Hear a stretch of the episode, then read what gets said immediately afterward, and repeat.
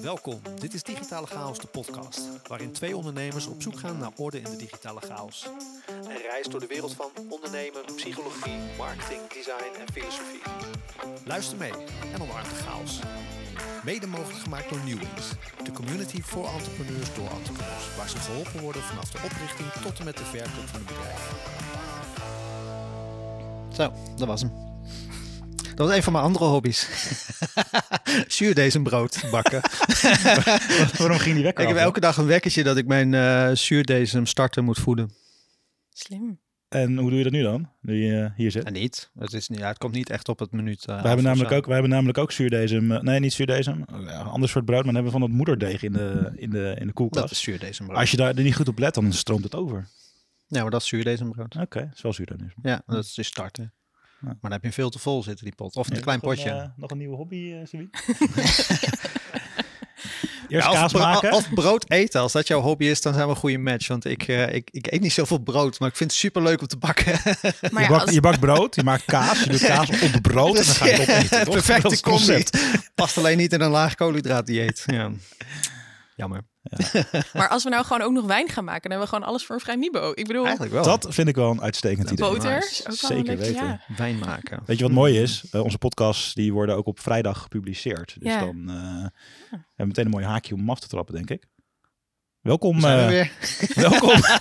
zijn we weer. Welkom uh, Meerte Dank je. in, uh, in de podcast. Uh, leuk dat je aanschuift. Uh, Zeker. ik kan je wel gaan introduceren. Ik heb, ehm, ik heb natuurlijk ook eventjes je, Oh, je, oh, je, wacht, je, je LinkedIn uh, Nee. profielfoto erbij gepakt om te kijken van wat staat er eigenlijk op.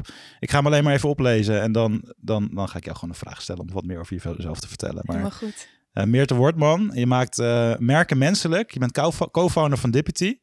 Um, jullie noemen jezelf de Personal Branding Agency.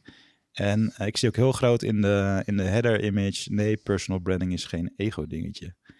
Welkom. En zou jij wat meer kunnen vertellen over, over wie je bent en wat jullie doen? Of wat je doet? Jeetje. Dat, dat vind ik altijd zo'n hele grote vraag, hè? Want je bent heel veel. um, nou, ik... Uh... Waar gaan we beginnen? Het is heel grappig, want ik had het er net met Jasper. We hadden het er sowieso even over, over het ondernemerschap. En uh, ik ben nu bijna acht jaar ondernemer. En in een van mijn eerste weken van het ondernemerschap heb ik Jasper leren kennen. Dus dat is echt al heel lang geleden. Um, en bij mij is het allemaal begonnen toen ik een jaartje of dertien was. Dus ik was echt heel jong toen ik al besloot van, nou, dit is gewoon mijn pad. Ik kom echt uit een ondernemersfamilie. En uh, ik wilde altijd heel graag mijn eigen dessertrestaurant beginnen. Toen ging ik om mijn 16 in de horeca werken en kwam ik erachter dat dat niet mijn pad kan zijn. Want de horeca is echt niet Nee? voor mij. Nee. Waarom niet? Um, ja, een beetje de combinatie van de dagen die je moet maken. En ja, ik, ik voelde gewoon heel erg van, uh, dit, dit volgens mij gaat dit hem niet worden. Dus uh, hele plan overboord. En toen kwam het uh, um, ja, media management en uh, marketing communicatie mbo-opleiding op mijn pad. En dat ben ik hier gaan doen in Utrecht. En toen kwam ik in mijn laatste jaar in aanraking met een aantal ondernemers die... Dat is een beetje het periode dat Facebook voor het eerst heel groot werd. En dat iedereen daarmee bezig was en al die ondernemers zoiets hadden van... wat moet ik hiermee dan? En ik dacht als millennium, nou, ik weet wel wat we hiermee moeten. Dus daar ben ik vol ingesprongen. En uh, dat heb ik drie jaar gedaan, waarvan twee jaar echt fulltime. Dus na mijn studie uh, dat twee jaar gedaan. En had ook helemaal een concept voor mezelf bedacht. Dus ik was toen een jaartje of 18, 19. Waarin ik heel graag studenten wilde aannemen. Zodat zij echt zouden leren in het veld. In plaats van achter de bar hun geld moesten verdienen. Omdat ik gewoon toen al heel erg door had dat als je echt zeg maar ergens goed in wil worden, je gewoon vroeg moet beginnen met oefenen. En um, ja, dat, dat heb ik dus drie jaar gedaan. Maar toen kwam ik er eigenlijk al achter dat ik gewoon nog te jong was. En heel veel levenservaring miste om daadwerkelijk echt het succes te maken. Toen heb ik uh, een blauwe maandag uh, bij een agency gewerkt. En daar werd mijn contract na acht maanden niet verlengd, omdat ze me te ambitieus vonden. En gewoon wisten van ja, als we jou nu contract geven, ben je toch weer weg. Dus het heeft geen zin. Um, en uh, toen heb ik een wat moeilijkere periode gehad en een tijdje thuis gezeten. En eigenlijk aan het einde, ik ben toen halverwege weer begonnen op een uh, communicatiemanagementopleiding, het HBO, deeltijd. Want voltijd paste ik gewoon niet meer in. Dus medestudenten, ik, ik was daar gewoon al ver voor, zeg maar, ik was in een hele andere fase al zo lang bezig met wat wil ik nou en uh, best wel volwassen voor mijn leeftijd. En um, dat gaan doen. En toen in het laatste jaar, op, uh, zeg maar, als je een deeltijdopleiding doet, dan doe je geen stages. Dan is het gewoon het idee, nou ga maar een baan zoeken. Dus ik een baan zoeken. En dat lukte gewoon niet. En ik voelde eigenlijk ook al van, ja, maar ik wil dit helemaal niet. Ik heb al vanaf mijn dertiende gewoon de droom om net als mijn vader ondernemer te worden. En uh, ja, toen kwam er heel toevallig via via iemand op mijn pad die uh, business coach was. En die zei van ja, ik wil jou eigenlijk gewoon voor een x aantal uur in de week inhuren. Want volgens mij kijk jij op een bepaalde manier naar marketing en communicatie, wat weinig mensen doen. En dat past wel goed bij me. En toen heb ik me de dag voor corona opnieuw ingeschreven. En ik weet, oh, dit, dit was zo'n legendarisch moment. Want ik, ik kwam daar binnenlopen bij de Kamer van Koophandel. En dat was het moment dat alle tafels werden omgedraaid. En je echt officieel anderhalve meter afstand moest gaan houden. En niemand wist wat er in de wereld gebeurde natuurlijk. En ik zat daar en ik keek die vrouw aan. En ik zeg, ja, denk je dat ik dit moet doen? En ze kijkt me aan en ze zegt, meisje, hoe moet ik dat weten? ja, goed punt. Niemand weet dat natuurlijk. Um, dus uh, toen zei ze, maar voelt het goed? Ik zei, ja, ik heb wel het idee dat ik dit moet doen, ja. Ze zei, nou, dan doe je het toch gewoon en dan zie je wel. Dus toen werd ik voor de tweede keer ondernemer. Um, Wat was dat... de naam die je opgaf bij de KVK? Joanne Meert. Um, Vertel. Mijn uh, eerste naam is Joanne en mijn roepnaam is Meerte. Uh, dus daar kwam het vandaan. Dat was makkelijk. Zo grappig. Ik zag namelijk van de week een LinkedIn-post van volgens mij Merel Lambo was dat, de, de godmother der multimensen. En die vertelde van verhaal over iemand die zich ging inschrijven bij de KVK. En dan kregen ze van de, de, de verkoopadviseur van de KVK terug. Ja, maar de, naam van je eenmanszaak die je opgeeft, dat is een bedrijfsnaam. Maar ik zou wel adviseren om je eigen naam erin te verwerken ja, mijn reactie was ook van, oké, maar uh, als elke Piet Jansen dat gaat doen, uh, wat is dan je onderscheidende waarde? Hè? Uh, speaking of ja, personal branding. Ja, ja, ja. ja. maar ja, mooi. Dus wel een elementje van je eigen naam zat er al in, maar dan wel op een manier verpakt dat je het, ja, dat er al een beetje, dat er al wat, wat, wat sexier uit, uh, ja, uitkomt. En het was heel erg onbewust. Gewoon, dat, dat was gewoon van, nou, dat klinkt wel lekker. En dat was mijn Instagram-naam ook. Dacht ik, nou, mhm. die heb ik ook al. Dus dan is dat makkelijk. En toen ik met haar begon met werken, was ze eigenlijk echt al vanaf het begin mij een beetje aan het pushen van, oké, nou, je hebt nu één klant, wat is je plan? Terwijl voor mij was het gewoon, ja, ik ga gewoon voor jou werken. En ik kwam uit best wel een moeilijke periode. Ik ga het wel zien. Maar zij ging me vanaf het begin al heel erg betrekken in haar programma's. En waardoor ik echt wel werd gepusht om daarover na te denken. En daarvan uit is uh, authentiek opvallen ontstaan. En dat heb ik de eerste twee en een half jaar van, nou ja, nu dus mijn ondernemersperiode gedaan, waarin ik dus heel erg de kleine ondernemer op Instagram, dus dat voornamelijk coaches en therapeuten en dat soort mensen, geholpen met wie ben je nou eigenlijk en hoe kan je dat vertalen naar je, naar je communicatie en dan echt gericht op Instagram, want dat was wel het platform waar ik mezelf het meest uit voelde en het ook best snapte, zeg maar. En uh, dat heb ik uh, eh, 2,5 jaar gedaan. En dat is echt een enorme zoektocht geweest. Van daarin, als je je eigen dienst wordt op zo'n leeftijd, ben je zo. En ik zat ook echt in die spirituele businessbubbel. Uh, dus het was ook, alles was een groei. En je wilde alles uitproberen. En aan de andere kant was ik zo ver aan het afdrijven van het hele ondernemen. Uh, dus het, het, voelde wel alsof ik ondernemer was. En ik hing daar en hang daar stiekem ook nog steeds best wel veel waarde aan. Mm maar aan de andere kant wist ik en voelde ik ook van ja, maar dit is helemaal niet duurzaam wat ik hier aan het doen ben. En ja, het is leuk. En nou, toen kwam op een gegeven moment bloot de podcast erbij. Uh, wat stapje voor stapje best wel aan het groeien was. En we op een gegeven moment ook wel echt gewoon een, een serieuze following kregen in luisteraars.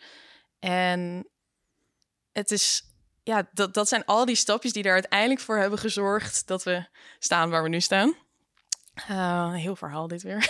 Heel goed. Ja, ik zat net al bij me te denken. Dat is mooi. Wij kunnen gewoon lekker achterover leunen. Ja. Hoef niks te doen. Ja. Hoef niks te doen vandaag. Ja, ja, maar ik, ik weet nog zo goed dat... Want jullie hebben natuurlijk een mailtje gestuurd van... Oké, wat zijn nou je, je tops en je flops... en een beetje de hoogtepunten van je carrière. Dit is wel een van mijn dieptepunten geweest. Dit was uh, vorig jaar mei, dus mei 2022. Um, ehm, toen belde ik met een goede vriend van mij. En hij is echt wel een ondernemer waar ik naar opkijk, zeg maar. Hij heeft een aantal start-ups verkocht. heeft voor Google gewerkt. Echt wel een goede naam opgebouwd. En ik had hem aan de telefoon en ik had het over mijn ondernemerstruggles. En eigenlijk was ik al twee jaar lang elke euro aan het omdraaien. Dus ik was wel de ondernemer en het lukte om mezelf te betalen. Maar het was echt verder van goed voor me. Mijn stressniveau was gewoon continu te hoog. Maar ik wilde niks anders dan ondernemer zijn. Want dat, dat was een keuze die ik had gemaakt. En toen zei hij tegen mij, Meert, wat je aan het doen bent is geen ondernemen.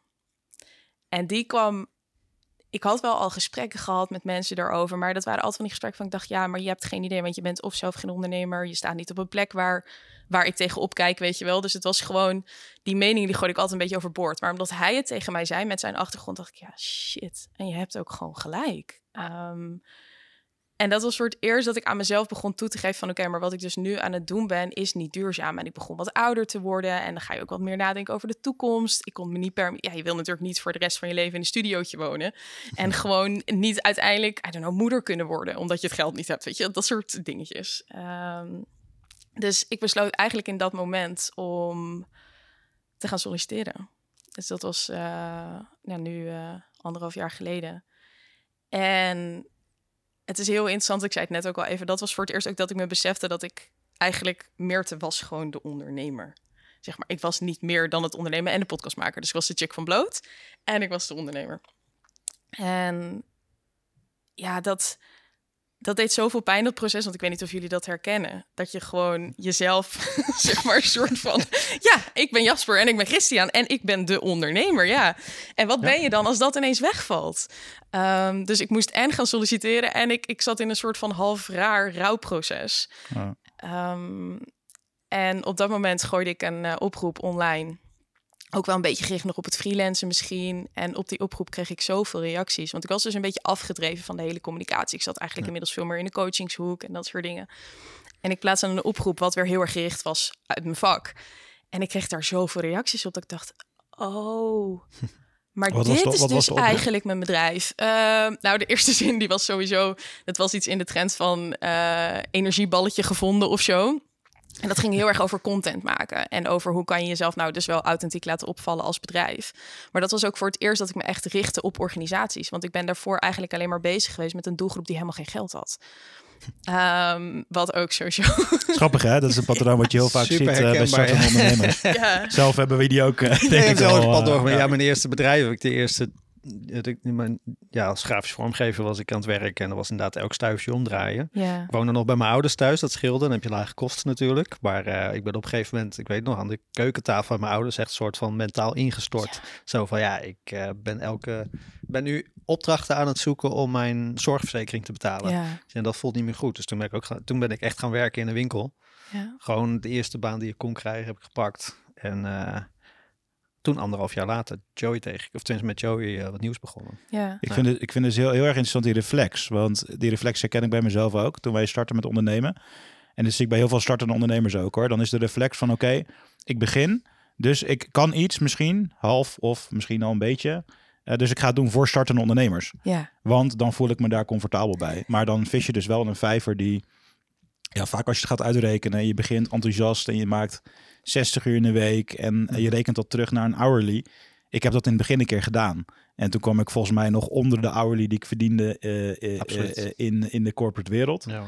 En dat vond ik al een absurd laag bedrag. Want daar, daar moest ik dan s'avonds ook nog soms cursussen doen en trainingen, weet je wel. Ja. Dus het is best wel een, um, ja, misschien ook wel een proces waar je even doorheen moet. Gewoon als het een soort van speeltuin is om te ontdekken van waar ben je goed in. Ja. Maar ja, als je daar op een gegeven moment bewust overheen stapt, ja, dan, dan ga je pas echt ondernemen. Want dan krijg je ruimte. Ja. Dus uh, mooi, mooi om te zien hoe dat uh, bij jou ook uh, ja, veel parallellen heeft eigenlijk. Ja, maar ik, ik denk inderdaad ook wel dat iedereen een beetje door zo'n proces gaat, wat je ook al zei. En daarin is het ook, dit is wel echt iets wat ik het afgelopen jaar heb geleerd. Um, is, zonder geld ben je gewoon een dwaas. En dat in het begin zat ik heel erg van, oh joh, maar als ik de ambitie heb en een noodzaak voel, dan komt het wel. Weet je wel, dan ga je hard genoeg werken. Maar achteraf gezien, um, en dat, dat zeg ik ook wel eens tegen mensen die dan mijn bericht sturen van, joh, hoe zou je beginnen met het ondernemen? Ja, zorg dat er nog inkomen is. Ga niet jezelf vanaf het begin volledig afhankelijk maken van het geld wat binnenkomt via je eerste bedrijf. Want dat is gewoon heel moeilijk. Betekent niet dat het niet kan, maar als ik nu zelf terugkijk op, op mijn proces daarin, had ik voor mezelf die keuze net iets anders gemaakt, zodat ik ook wat meer rust zou ervaren. En dan kan je ook ondernemen vanuit, oh, wat wil ik nou eigenlijk echt doen? En kan ik nu ja zeggen of nee zeggen tegen de mensen waar ik wel of niet mee wil samenwerken? Hoe, uh, hoe heb jij dat ervaren? Word je gemotiveerd door, door pijn of door, meer door inspiratie? Um, Oeh, ik denk allebei. Als ik hem misschien kan iets meer context, ge context, iets meer context geven. Maar wat je vaak ziet is dat zeg maar, die dingen gaan heel vaak een soort van golven. Zeg ja. maar. Dus je, je, je, iedereen heeft een soort mentaal level van oké, als ik onder een bepaalde grens op mijn bankrekening kom. Bijvoorbeeld, voor sommige mensen is dat, ik zeg maar wat, 5000 euro. Als je eronder komt, denk je van oké, ik heb niet meer genoeg buffer. Dus ik moet even harder gaan werken. En dan voel je die pijn aan de onderkant. Um, uh, op een gegeven moment loop je tegen een plafond aan. Dan zit je misschien op 10.000 euro. En dan denk je, oh, ik heb genoeg geld, ik ga alles uitgeven. Dan drop je weer onder die 5.000 en dan ga je weer rennen. Nou ja, en het, het, spel is dus om die baseline steeds hoger te krijgen. Maar die golfbeweging die blijft. Ja. Um, dat is heel erg vanuit pijn. Dat je, dat je de pijn gebruikt om in beweging te komen. Aan de andere kant kan je dus ook... Um, dat, ja, dat is iets waar, waar, ik zelf mee experimenteer. Wat ik eigenlijk veel, veel fijnere uh, flow vind ehm, dat je veel meer op inspiratie gaat. Dus dat je gaat gaan kijken van oké, hoe kan je hoger doordat je ja, bepaalde uh, wat meer je intuïtie volgt, wat meer de signalen pakt, dingen aan elkaar gaat knopen. Ehm, en misschien is het ook wel gewoon nodig dat je een bepaalde baseline hebt hoor, daarvoor. Ja. Maar hoe, hoe werkt dat bij jou? Ehm, ik denk dat ik heel erg beweeg vanuit visie en een droom voor de toekomst. Dus dat is ook wel inspiratie. Maar ik heb al gewoon vanaf vrij jong een soort van beeld, wat steeds helderder wordt, maar nog steeds niet helemaal. Zou je ons eens kunnen meenemen in hoe dat beeld er nu uitziet? ik, zit, het ook ik zit nog steeds met mijn hoofd bij een dessertrestaurant ja. hoor. voor mijn gevoel mis ik ook nog de helft van mijn ondernemersverhaal, maar dat maakt helemaal niet uit. Dat ik had zoiets van, dit, voor mij heb ik al jaren zoiets van, waarom zijn er geen, er zijn er dessertrestaurants eigenlijk. Maar... Uh, ja, er zijn er dus, door de jaren heen zijn er een aantal geweest, maar die zijn allemaal failliet gegaan. Dus, ah, ik bedoel, dus het werkt niet, jammer. We komen straks ook nog even terug bij het punt dat jullie elkaar ontmoeten. ja. Maar ik denk dat het wel een, zeg maar, die visie is denk ik een soort rode lijn waar je naartoe getrokken wordt. Dus daarom vraag ik, me, vraag ik er even door. Um, ik uh, was 13 toen ik mijn eerste depressie kreeg. Dus dat is echt heel erg jong. En uh, in die fase heeft er één ding, als ik nu terugkijk, we, we wisten pas op mijn, echt, op mijn achttiende dat dat echt een depressie was. Dat hebben we toen niet kunnen diagnosticeren. Maar uh, in die fase was er altijd een soort van stem die tegen mij zei: Meert, ooit ga je dit verhaal aan andere mensen vertellen. Ooit ga je hier andere mensen mee helpen dat dit gebeurd is voor een reden.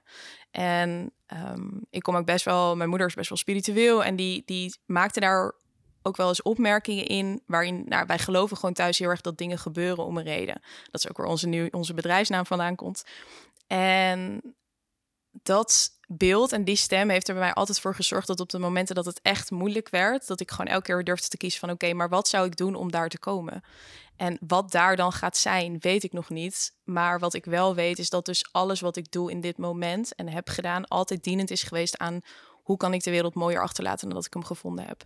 En in het begin was dat heel erg dat, ja, je, heel erg vanuit die idealen en daar dus ook geen geld voor durven vragen en heel erg veel bezig zijn met een beetje dat, uh, ja, dat goede doelen ding. Mhm. Ehm, en nu ben ik me steeds meer aan het beseffen dat hoe meer ik voor mezelf echt een goede business opbouw en gewoon zorg dat er meer dan genoeg geld is en daarvan uit gaan kijken van hoe kan ik op mijn manier impact maken. En ik denk wel dat dat voor mij de rode draad is geweest in alles wat ik heb gedaan. Dus niet alleen in het coachen, maar ook in de podcast.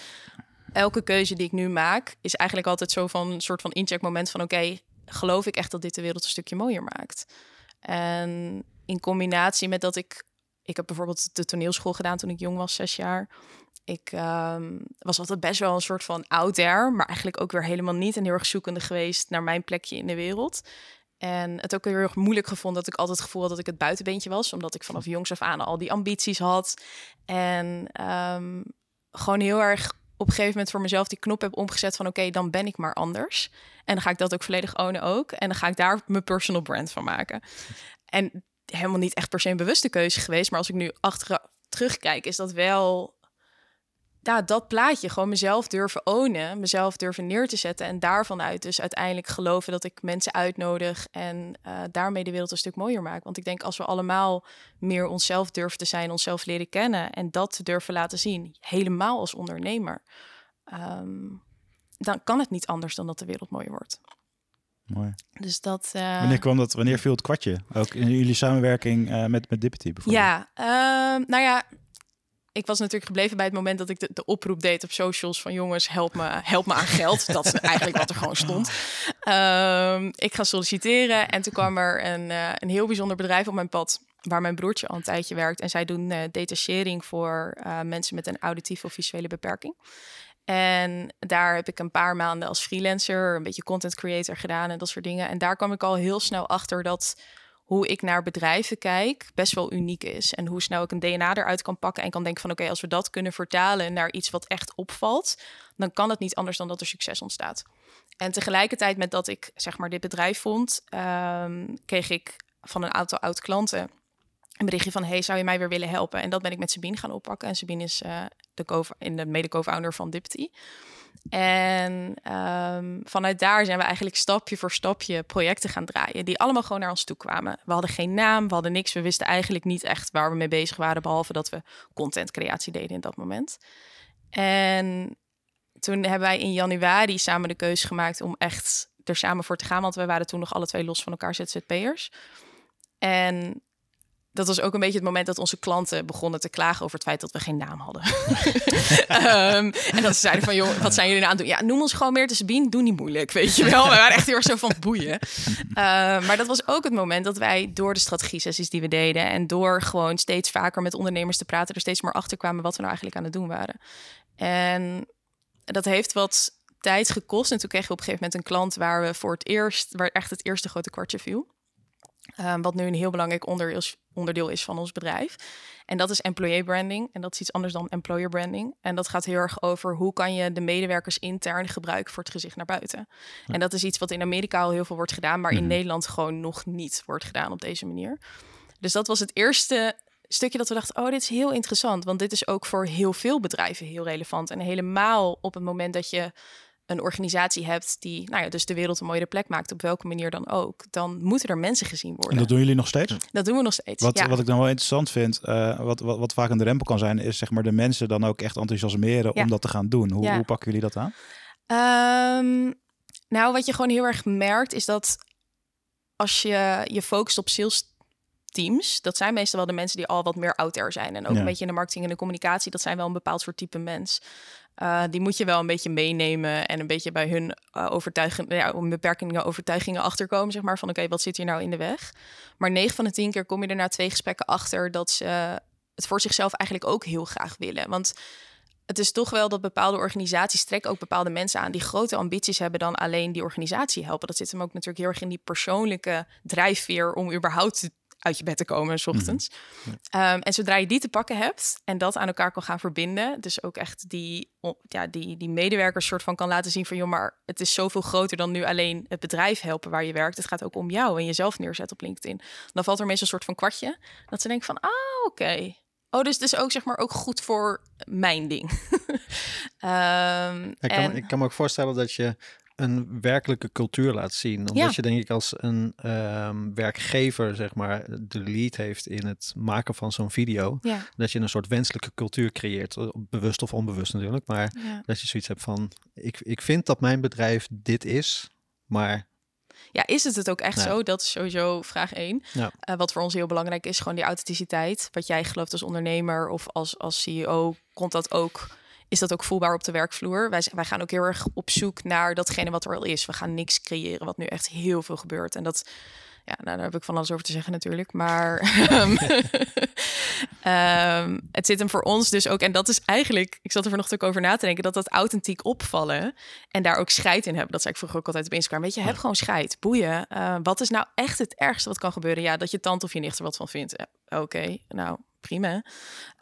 Um, en dat is wel datgene wat je. Ik denk dat het ook wel echt onze attitude is wat er heel erg in helpt. En, en dat wij het mhm. al een soort van hebben geleefd. Sabine en ik hebben allebei echt wel twee jaar lang onze business gedraaid vanuit Instagram. Wat betekent dat wij gewoon onze eigen personal brand waren natuurlijk. En daar heel bewust mee bezig waren. En dat is toen we met wat een, een grotere naam gingen werken, die best wel groot is in de verandercultuur. En bij haar gingen helpen in dat proces dat was echt, dat was eigenlijk het tweede kwartje wat viel. Dus we hebben en de organisaties die we kunnen helpen. En gewoon de mooie grote namen die uiteindelijk echt een autoriteit worden op dit gebied. En boeken gaan schrijven. En gewoon zichzelf nog authentieker moeten gaan neerzetten. Omdat ze anders niet kunnen opvallen. En toen die twee kwartjes vielen en ik een potentiële klant aan de telefoon had. En die zei: Ja, ik ben eigenlijk gewoon al een jaar op zoek naar een personal branding agency, maar die bestaat niet. En ik hoorde hem dat uitspreken. ik, ik heb letterlijk volgens mij gewoon de telefoon neergelegd. Dus Bien gebeld zo van, oh. I think I found it. uh, dus wij ah, googelen. Uh, en nee, het, bestel, het bestond gewoon niet in Nederland. Niet op die manier. Kijk, je hebt heel veel ZZP'ers die dit doen. Maar je hebt niet echt een agency die zich hier helemaal in specialiseert. En toen... Uh, Sabine is van de origine video, video en fotograaf. Ik ben inmiddels ook podcastmaker. Um, en vanuit daar hebben we ook best wel een unieke marketingstrategie bedacht. En toen dachten we echt, ja, als we dat koppelen aan personal branding, dan hebben we gewoon een niche-niche wat niet meer ons afgenomen kan worden. En toen, zat, toen zaten jullie samen de film Serendipity te kijken en toen viel, viel opeens uh, de bedrijf Nou, dat, dat, Hoe, ging dat? Verhaal... Toen zit je glas op de cover van, het, van de DVD. Nee, maar dit, dit, verhaal is echt episch. En dat, dat is echt zo hoe dit is gegaan. We hadden dus, er was op een gegeven moment, ik denk dat dat dus uh, in februari was of zo, dat wij zeiden van oké, we moeten echt wel een naam, maar we gaan het niet forceren. Wij geloven heel erg in inspiratie komt wanneer het komt. Ja. En ik was, uh, dat weet ik nog heel goed, de dag voor Koningsdag, die avond was ik een filmpje aan het kijken en daar gebruikt ze het woord serendipity in. En ik dacht zo, wow, dat is eigenlijk best wel een mooi woord. En ik zat die ochtend... Woord, hashtag uh, woordliefde. Ja, ja, precies. ja, maar het, de betekenis van serendipity voor de luisteraar die het niet weet. Um, het, het, is eigenlijk, dit is een heel bijzonder Engels woord wat staat voor alles wat, wat we toeval noemen, maar wat geen toeval kan zijn, omdat het zo bijzonder is dat het gebeurt. En, het had zo ehm, moeten zijn. Het had zo moeten zijn, dat ja. En het is meestal, zijn meestal ook van die momenten die best wel levensveranderend kunnen zijn voor je. En uh, ik belde Sabine die ochtend op de fiets. Ik zei, ja, er is een woord en het laat me maar niet los. Serendipity. En toen zei Sabine, ja, maar Meerte, dat woord is veel te lang. Daar kunnen we niks mee. Ik zei, nee, oké. En we hadden toen al maken merken menselijk. Dat was al onze hashtag. Maar waar we ook steeds meer achter kwamen... is dat op het moment dat je de juiste stappen zet, impact maken geen toeval is. En wij werken natuurlijk echt voor merken die impact willen maken. Dus oké, maar als we nou de helft van het woord doen, dan is dat een soort van knipoog naar toeval, maar eigenlijk dat het dus geen toeval is. En nu komt het mooie. Dus wij zo, oké, okay, vet, gaan we dat doen. Maar dan gaan we nog even het lot testen om zeker te weten dat het klopt. Dus ik zei tegen Sabine, als ik binnen twee uur een zebra zie, dan wordt dit onze naam. En hij kid you not, ik heb hier een screenshot van. Vet. Een half uur later kreeg ik een mailtje van Burgerzoe dat er een zebra was geboren. Nou, ja, dat kan er niet anders. Dit, ja. het was echt. En er stond ook echt zo'n zebra-plaatje bij. En ik belde ze binnen. Ik zei: What the fuck is dit? Gewoon beleven nu onze bedrijfsnaam. dit is gewoon echt episch. Heel gaaf. Ja. Het is wel grappig, want uh, de bedrijfsnaam van Daily Creation ook begonnen met een mailtje. Ja? Ja, ja we hadden we hebben ons ingeschreven bij de KVK onder, destijds onder de naam Griepsma en Verwij. Dat vonden we stoer. Klinkt als een advocatenbureau. Ak, ja. Zangduo. Nou ja, kijk, wij waren allebei... Een van de, de, van, de, van de dingen waar Joey en ik elkaar op vinden... is onze liefde voor Akte de Munnik en Velders en Camper. Dus dat, ah, ja. is wat dat betreft... Eigenlijk nooit, boyband. Ik heb er nooit zo over nagedacht eigenlijk. Maar inderdaad, dat, eh, dat, dat klopt wel. Maar toen, um, toen waren we in die weken daarna nadenken over een bedrijfsnaam. En ik, ik had het, um, het leuke idee om uh, Nunun als bedrijfsnaam te hebben, want die kan je vooruit en achteruit lezen. Superleuk. En uh, dat was de, de werknaam op dat moment, maar we hadden allebei zoiets van ja, het is wel leuk, maar ook weer niet. Zeg maar. Het is nog niet het. het is het nog nee. niet het. Nee. En toen kreeg ik op een gegeven moment een belletje van Joey, die zei van ja, ik heb net een mailtje gehad van Behance. En dat is zo'n platform voor creatievelingen. Ja. En daar stond, uh, had dan, daar stond een portfolio item van iemand in en dat zijn uh, My Daily Creations. En toen zei die Daily Creations, is dat niet een leuke naam? En toen had ik zoiets van, ja, superleuk. Ik zeg maar, die bedrijfsnaam of die uh, uh, URL zal nooit beschikbaar zijn. Want dat is zo'n zo'n zo'n ding waarvan je denkt van ja, dat heeft iemand al lang een websiteje opgemaakt of wat dan ook. Dus ik uh, op internet Google en ik, uh, nou, is vrij. Ja. ja, eigenlijk past het wel heel goed. En dagelijks gaan creëren. Je bent eigenlijk dagelijks. Ja, dus zo is dat gaan rollen. Maar het was ook inderdaad met een mailtje gewoon daar stond dat woord. En ineens was die inspiratie er en dacht ik van, oh ja, oké. dan weet je Dat klopt.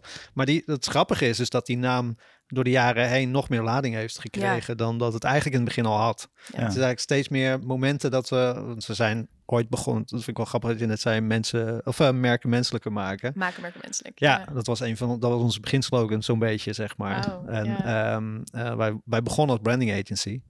En dat is vrij snel geswitcht naar, uh, naar UX design. Maar um, ja, de, al dat soort momenten en al die veranderingen, het, het ging steeds meer passen eigenlijk. Ja. Dus dat was wel grappig. Blijft eigenlijk bij me hangen die zin die je net ook een keer uh, zei. Wanneer je de juiste stappen zet, is impact geen toeval. Ja, impact maken is geen toeval. En hoe, want dat is wel grappig. Hè? Dan kom je misschien ook wel een beetje in het, uh, in het, in, in het hoekje van uh, kan je manifesteren, leren. Um, hoe, ik ben nog even benieuwd. hè? Hoe, hoe zijn jullie voor een andere aflevering? Ja, dat wordt een andere topic. Maar ik ben even benieuwd. Hoe zijn jullie elkaar tegen de lijf gelopen, uh, Meert en Jasper? Um, nou, volgens mij via een ondernemersplatform, toch? Oh ja. Of niet? Ja, uh, ik, ik heb ooit een tijdje een platform proberen op te tuigen. En dat jongen ondernemen was dat. Nee, maar dat... Was dat hem niet? Ja, je hebt die hele grote die nog steeds best wel groot is nu. Ik ben, ik ben de naam even kwijt. Maar in ieder geval uh, ergens online en ondernemen. En toen heb ik jou, toen, zijn we in contact geraakt. Zeg ik, Jos, zullen we anders een keer koffie drinken? Ja. En uh, toen hebben we dat gedaan. En toen we elkaar een paar jaar later nog toegezien bij dat bedrijf waar ik echt een blauwe maandag heb gewerkt. Ja. Um, en toen was ik eigenlijk een soort van volledig uit het oog verloren. Totdat ik afgelopen zomer een date had met een man die echt het kantoor naast jullie had op dat moment. En dat we daardoor een soort van, oh ja, Jasper was er ook nog. Ja. is niet toevallig een, een, gast in onze podcast Wie weet. maar, die, ja, maar die, ja. Nee, maar dat is inderdaad op verschillende momenten zijn we elkaar een keer tegen blijven gooien. Ik heb op Instagram natuurlijk gevolgd. Ja. Al je, de, de, momenten die je hebt beschreven heb, heb ik uh, van dichtbij gezien. Maar uh, ja. ja. Nou ja, en wat, wat dus ook echt wel het debiele was, want dat is ook weer zo'n mooie serendipity. En als je daarop gaat letten, sowieso hoe Sabine en ik elkaar beleren kennen, is echt pure serendipity. Maar ook um, ik weet nog heel, wij hebben dus twee maanden geleden ook echt de keuze gemaakt om het groots aan te gaan pakken, een kantoor te gaan zoeken en dat soort dingen. En wij hadden een kantoorbezichting gehad en we lopen dat kantoor uit. En ik had al contact met Jasper gehad over dat ik nou, bij jullie in de podcast zou komen en dat soort dingen. En ik zei ineens tegen Sabine, volgens mij moet ik Jasper hier een memo oversturen. Dus ik stuur jou een memo, gewoon puur op gevoel. En dat we dus op zoek zijn naar een kantoor en het liefst ook een ruimte waar we podcast kunnen maken, dat soort dingen. Hij zei, nou, dat is toevallig, Christian. Die zei gisteren tegen mij. En dat was echt zo dat ik dacht van, zie je wel. En dat is ook wel, het, dat, dat is deels, want dat is denk ik de vraag die je me wilde stellen over dat, dat stukje impact maken is geen toeval.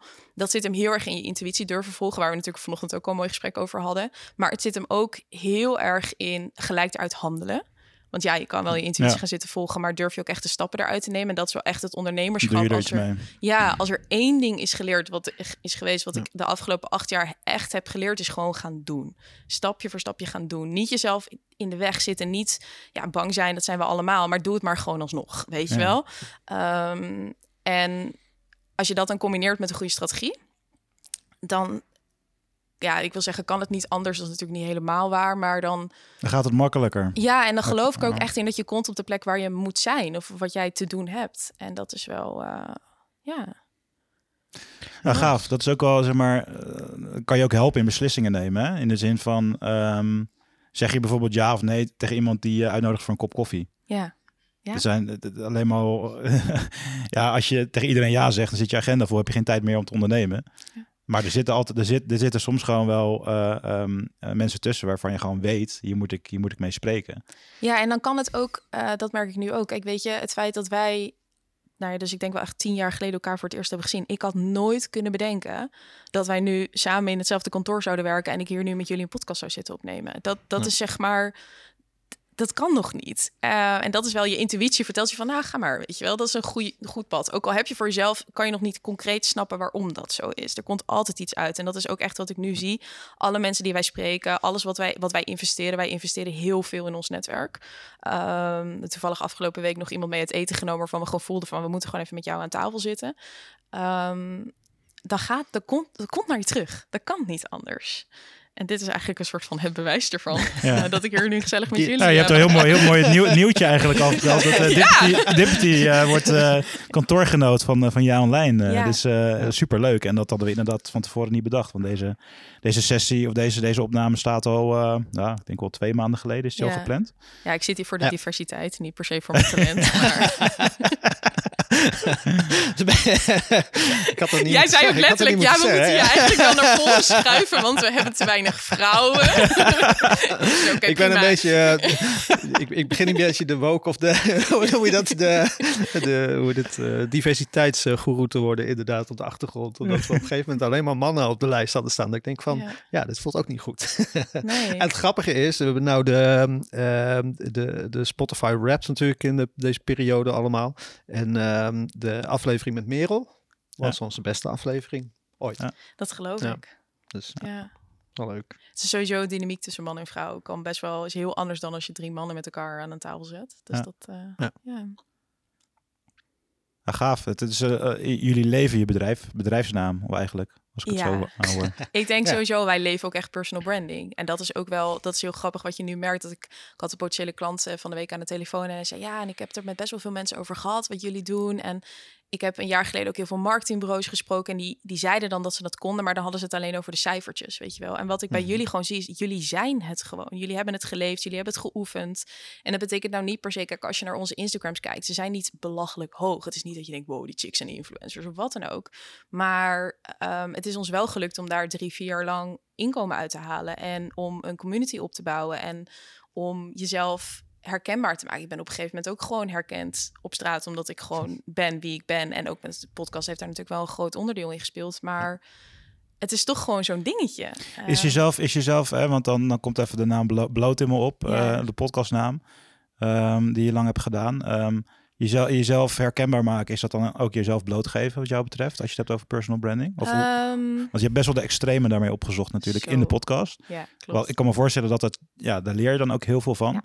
Uh, hoe, wat, wat, wat neem je daarvan mee in trajecten bijvoorbeeld? Zo, ik, ik denk dat de kern daarin is, is dat je ehm, voor jezelf inzichtelijk moet hebben wie je echt bent. Ehm, en dat zit hem niet eens in vertellen over je relaties of uh, de meeste juice uit je leven delen. Dat zit hem heel erg in wat zijn mijn kernwaardes en hoe komt dat tot uiting in mijn dagelijks leven. En ik denk kijk, als mens verbind je met mens. En um, als je verhalen vertelt over je leven, is die verbinding maken gewoon makkelijker. Maar dat betekent niet dat jij vanaf nu, of, of zeg maar, dat, jullie vanaf nu alle details over wat er thuis gebeurt uh, met je vrouw en de kinderen. Of uh, hoe, hoe, je broodbakken gaat. Of weet je wel, het is gewoon. um, het zit hem veel meer in wat zijn die verhalen die je zelf wel wilt vertellen. Dat, dat is voor mij ook echt. Kijk, ik ben best wel een open boek in alles. Het is ook minder open dan ooit. Want ik heb dus juist inderdaad door dat hele blootgaan en de extreme daarin ervaren, ook voor mezelf gekozen van oké, dit is niet per se meer wat ik wil. Hoe ga je ehm, daar dan mee om? Want het is wel al oud in die open, zeg maar. Ja, ja het ownen. Het is gebeurd. Ja, kijk, weet je, um, ik had zonder bloot nooit diabetes gehad, dat sowieso. Ik had hm. zonder bloot heel veel dingen in mijn leven niet ervaren zoals ik ze heb ervaren. En ik had zonder bloot ook nooit zoveel mensen kunnen helpen daarin. Of helpen, kunnen inspireren. En ik probeer me heel erg te focussen op dat stukje. En... Dan valt het toch onder de juiste stappen richting impact. Ja. ja, ja, ja, ja. Maar weet je, natuurlijk zit ook een keerzijde aan. Want een van de redenen waarom ik ermee ben gestopt, is omdat ik dus dat stukje privacy begon op een gegeven moment gewoon te knagen.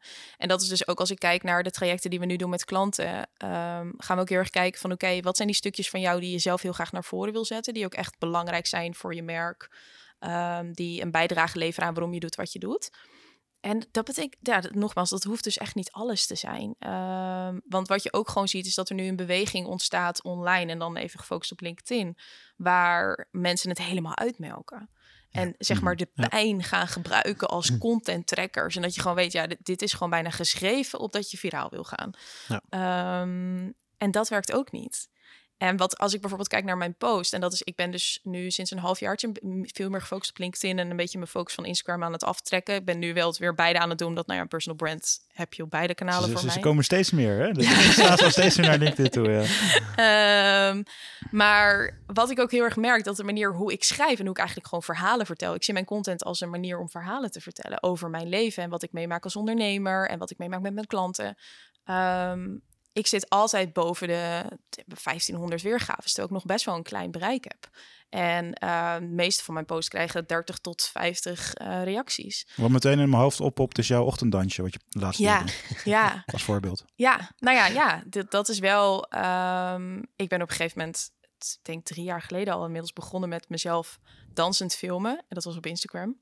En dat zet ik dan in mijn stories. En ik was sowieso wel meer actief in mijn stories, omdat dat voor mij makkelijker voelde. Want dan kan je best wel goed gewoon interactie laten zien en je hm. dag delen en dat soort dingen. En um, juist ook omdat ik best wel gevoelig was voor somberheid, is het dansen hetgene wat mij heel veel positiviteit heeft gebracht. Dus als ik dat elke ochtend deed, dan wist ik gewoon, dan begin ik met een lekkere start. En dat ben ik gaan filmen om mensen te inspireren. En dat werd op een gegeven moment gewoon een ding. Ja. Dat mensen me ook gewoon hebt van, joh Meert, waar zijn je dansjes? En ook gewoon mensen die dus letterlijk door mij nu ochtends elke ochtend dansen. En dat is wel iets waar mensen mij dus gewoon ook echt aan herkennen. Dat is hetzelfde mhm. met de podcast. Ja, je bent de meiden, je bent een van de meiden van Bloot en je doet je dansjes ochtends. En zo kan je voor jezelf eigenlijk gewoon, uh, dat is ook wat ik in die post inderdaad had geschreven wat maakt jou nou echt jou? En als dat voor jou broodbakken is, Jasper, dan ga dat laten zien, weet je wel. Want dat is wel, dat is een stukje wat jou jou maakt en wat mensen ook gaan onthouden. En dat zit hem, dat, natuurlijk zit het hem dat ook in dat stukje autoriteit wat je probeert te ownen. Maar het zit hem ook in jouw stukje menselijkheid. Mhm. En als dat aan elkaar gekoppeld wordt, dan is het gewoon makkelijker. Wat, wat ik er mooi aan vind, is dat je pakt een stukje wat heel erg van jou is, je vergroot het uit. Ja. Het, het doet me ook even denken aan, we hadden, uh, gisteren hadden wij een, uh, een meet-up met onze mastermind groep. En daar zat iemand in, die post heel, die is heel comfortabel op Instagram. Maar zij is niet comfortabel op LinkedIn. En blijkbaar zijn die werelden verschillend, zeg maar, voor, mhm. Ehm, qua wat voor content je daar plaatst misschien. Maar ja, toen heb ik ook gezegd van, um, weet je wat je, wat je, wat je eigenlijk moet doen? Gewoon een post plaatsen met deze struggle. Ja. Van hey, ik, zie, ik, ik voel me comfortabel hier en hier niet. En komt dat doordat ze allemaal serieus zijn op LinkedIn? Ja, nee. Heeft ze geplaatst? Nou, super veel leuke reacties. Heel warme ontvangst. Allemaal mensen die zeggen van ja, nee, het is hier ook gewoon een grote speeltuin. Ja. En, en een leuke post. En uh, totaal verschil. Het is een beetje in lijn met, met exposure training, waar we het ook uh, een paar keer over gehad hebben. Van ja, als je ergens een soort van. Uh, um, um, ja, angst of uh, anxiety of iets, iets voelt wat je. en dan word je, moet je er eigenlijk instappen. Dat, en volgens mij heb jij dat heel erg ook gedaan in jouw leven. Je, je bent er heel erg diep ingegaan, waardoor je nu dat weer kan gebruiken om uh, juist de andere kant uh, uit te vergroten en dat ook ja, impact daarmee te maken. Dus dat, ja, 100%. En ik denk ook hetgene wat een personal brand ook zo sterk maakt, of als, als ik zelf terugkijk, is jezelf en dan voornamelijk elk momentje dat je jezelf online laat zien niet te serieus nemen. Wat we heel vaak doen is dat we dan een, een content post gaan schrijven en dan hoor ik echt mensen, ja, ik heb er een uur over gedaan. Denk ik, waarom? Wat zeg maar, want die post die bestaat even. Weet je wel, die is even de komende 24 uur zichtbaar. Misschien als je het mhm. goed doet wat langer. En mensen zijn het ook weer vergeten in het drie maanden. Ja, het is zo zonde als jij het voor jezelf zo groot maakt. Want het is niet zo groot. Het gaat veel meer om het momentum wat je continu weer opnieuw een beetje moet pakken. En dat mag vasthouden. Dan dat je denkt dat die ene post je hele leven gaat veranderen. En dat is gewoon, ik ben gewoon elke dag daarin. En voornamelijk dus in mijn stories op Instagram. En nu probeer ik dat dus ook wat meer te doen op LinkedIn. Gewoon mezelf aan het laten zien. En dat hoeft niet perfect. Heb jij tips voor mensen om bij zichzelf dat dansje te ontdekken?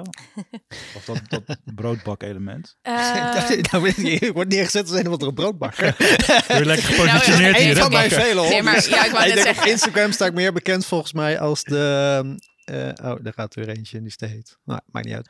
Maar uh, nee, ik sta op Instagram volgens mij inmiddels juist bekend om degene die elke keer uh, veel te vroeg op de sub staat in de ah, natuur. Ja. die deel ik vaak op ja. Instagram. Maar ja. Nou, hoe je dat voor jezelf... LinkedIn, denk ik. Hm? Die staat ook goed in op Ja, die staat ook goed op LinkedIn, ja. Hoe je dat voor jezelf kan ontdekken. Heb jij het idee, Christian, dat je daar eentje voor jezelf hebt? Een dansje? Nee, ja? Nee, ik denk dat ik die nog moet gaan. Uh, nou, dan gaan we toch even zoeken samen. Ik denk dat dat een leuke voor is dan. een leuke exhibitie, ja. Wat uh, is er iets in jouw leven wat je elke dag doet? Um, ja, maar goed, dan gaan we het weer over ochtendroutines hebben. Maar de, um, koud afdouchen doe ik elke dag. Ja. Hè, om mezelf aan te zetten. Mm -hmm. Dus dat doe ik wel bewust. Um, ik heb best wel een, uh, een, ritueel om in flow, focus en flow te komen. Ja. En dat is ook wel, ja. Um, ik maak ook veel beslissingen om in flow te kunnen werken. Dus ik werk ook wel 80% van de tijd in flow. Ja. Uh, dus daar zit misschien wel iets. Nou, daar heb ik wel een soort van sequence in. En, ja. ja.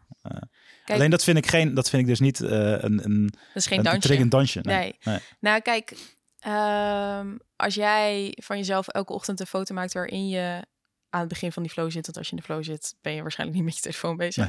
Maar um, kijk, wat daar het vette aan is, en als ik dat dan even vergelijk met mijn eigen dansje. Ik ben van mezelf best wel een. Nou ja, ik heb nu de, de, de bijnaam bruistabletje. Um, ik ben best wel energiek. Ik ben aanwezig, ik ben enthousiast. En ik weet dat dat heel erg mij maakt. En dat zorgt er ook voor dat als ik mensen voor het eerst aan de telefoon heb, dat ze letterlijk zeggen: Wow, je bent gewoon precies zoals ik dacht dat je bent. Um, en dat komt dus omdat dat dansje een soort van daaraan bijdraagt. Dat zorgt dat stukje van mhm. mij wat ik uitvergroot, maar wat ook echt wel mij is. Je zou mij ook gewoon kunnen zien dansen in de appie. Uh, dat is letterlijk wat het is. En als ik dan ook naar jou kijk en een beetje jouw ondernemersreis nu hoor en zie wat jullie aan het doen zijn en zie hoe jij keuzes maakt en daar ook best wel een autoriteit aan het worden bent, dan kan ik me heel goed voorstellen dat dat stukje flow, dat is daar gewoon essentieel in geweest. Mm. En als jij elke ochtend voor jezelf een foto voor jezelf daarin maakt en een soort van inzicht voor jezelf deelt. Of het hoeft maar heel klein, weet je, het hoeft niet zo groot. dan wordt dat een dingetje voor mensen. En dan moet gaat iets herkenbaar, iets herkenbaar ja, worden. Het hoeft, ja, het hoeft maar één haakje te hebben. Als je het elke keer dezelfde poef of uh, dezelfde kop koffie. Wat je bijvoorbeeld hebt, Sarah, ik ben haar naam even kwijt, van uh, Spanks.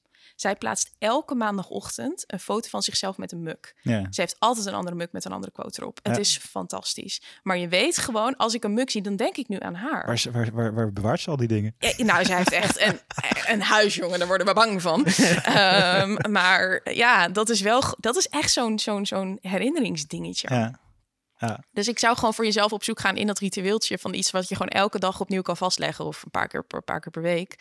En daar een soort van koppeling en maken in je content. Um, ja, en iets van een inzicht aan koppelen. Ja. Of, uh, ja, ja. ja, of een, voor jezelf een to-doetje die dag of iets wat je intentie, wat je, of nou, Gaaf. kunnen we nog wel even verder over brainstormen. Ja, leuk. Maar, uh, nee, daar, gaat, daar gaat zeker wel iets uitkomen, denk Ja. ik. We hadden dat voor Daily Creations en ik doe dat nog steeds heel trouw. We hadden altijd oranje sokken en dat is inmiddels wat ge- soms, soms zijn ze wat geler, maar oranje sokken.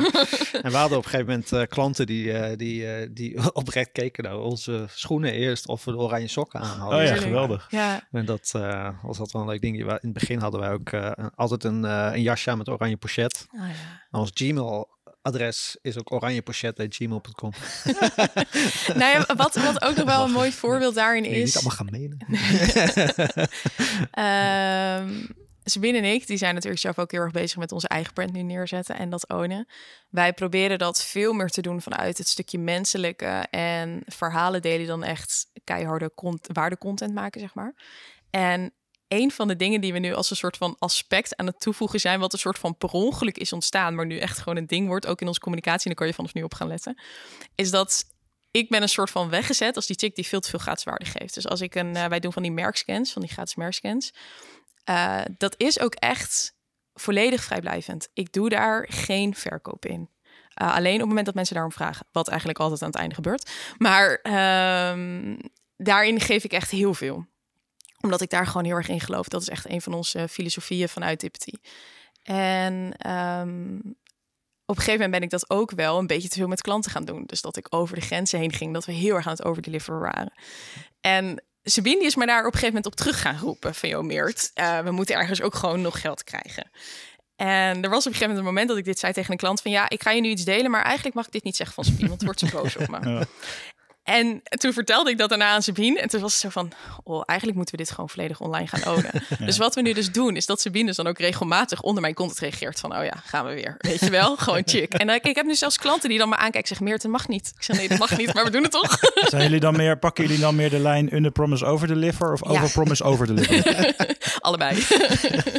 Hangt van de situatie af. Nee, maar dat is wel, uh, kijk, ik ben gewoon veel te enthousiast van mezelf. En helemaal als ik een ondernemer voor me heb waar ik echt heel enthousiast van word, dan denk ik alleen maar hier, alsjeblieft, ga dit doen. Want ze komen toch wel bij ons terug. Want dan denken ze, ja, oké, okay, maar dit kan ik niet alleen.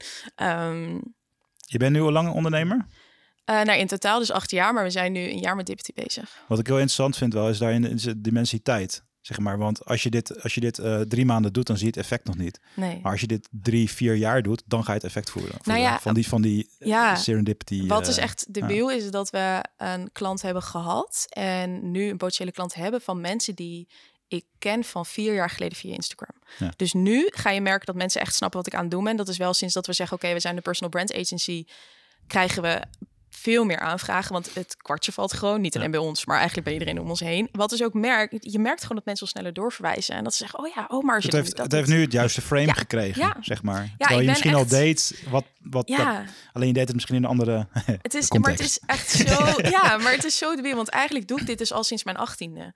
Vanaf mijn achttiende ben ik al bezig met ondernemers van hoe kan je jezelf nou laten zien? Wat, wat maakt jou jou? En dat nu komt dat een soort van allemaal samen. En dat is hetzelfde als bij Sabine. Dat is ook bij haar is dat ook zo'n heel proces geweest. En nu is dat gewoon zo klik en het klikt dan samen. En dat, dat is gewoon fantastisch. En als je daar dan ook dus gewoon het beeld en het geluid, dus door YouTube en uh, podcasten aan toevoegt, ja, dat ik geloof ook gewoon echt dat dat dit voor het eerst iets is wat ik aan het opbouwen ben, wat gewoon echt een succes gaat worden. Um, en duurzaam is. En dat ik hierin op een gegeven moment ook gewoon met verlof kan gaan en met vakantie kan gaan. Want dat heb ik ook al heel, lang niet gedaan. Uh, dat vind ik wel mooi aan wat je, wat je in het begin zei ook over um, um, dat je soms Zeker heel veel ondernemers die beginnen en die hebben dan een heel beeld bij zichzelf en die komen dan achter. Je, gaat, je had een beetje zo'n rijstorf. En in het begin vraag je te weinig. Uh, weet je, denk je heel goed te weten wat je doet, maar blijf je heel zweverig. Dat heb ik ook gehad in het begin. En ik heb op een gegeven moment, heb ik hier ook al vaak over gehad, een soort cyclus van twee tot drie jaar, waarin je steeds weer een soort van herontdekking hebt of een soort herijking. En dat kan op verschillende vlakken zitten. Dus in het begin zit het heel erg in hoe concreet is je dienst of hoe, hoe wat doe je precies, zeg maar. Dat, dat begint op een gegeven moment te landen. Um, op een gegeven moment krijg je een beetje professionaliseren. Dus ga je misschien op je proces zitten of je gaat durft ineens veel meer te vragen, al dat soort uh, dingen. Maar um, wel mooi dat het bij jou ook zo terug te zien is. Dat je zo door een soort van iteraties heen gaat in je ondernemersreis en dan op een gegeven moment zoiets hebt van, oh ja, kwartjes vallen. Mensen snappen nu eindelijk wat ik doe.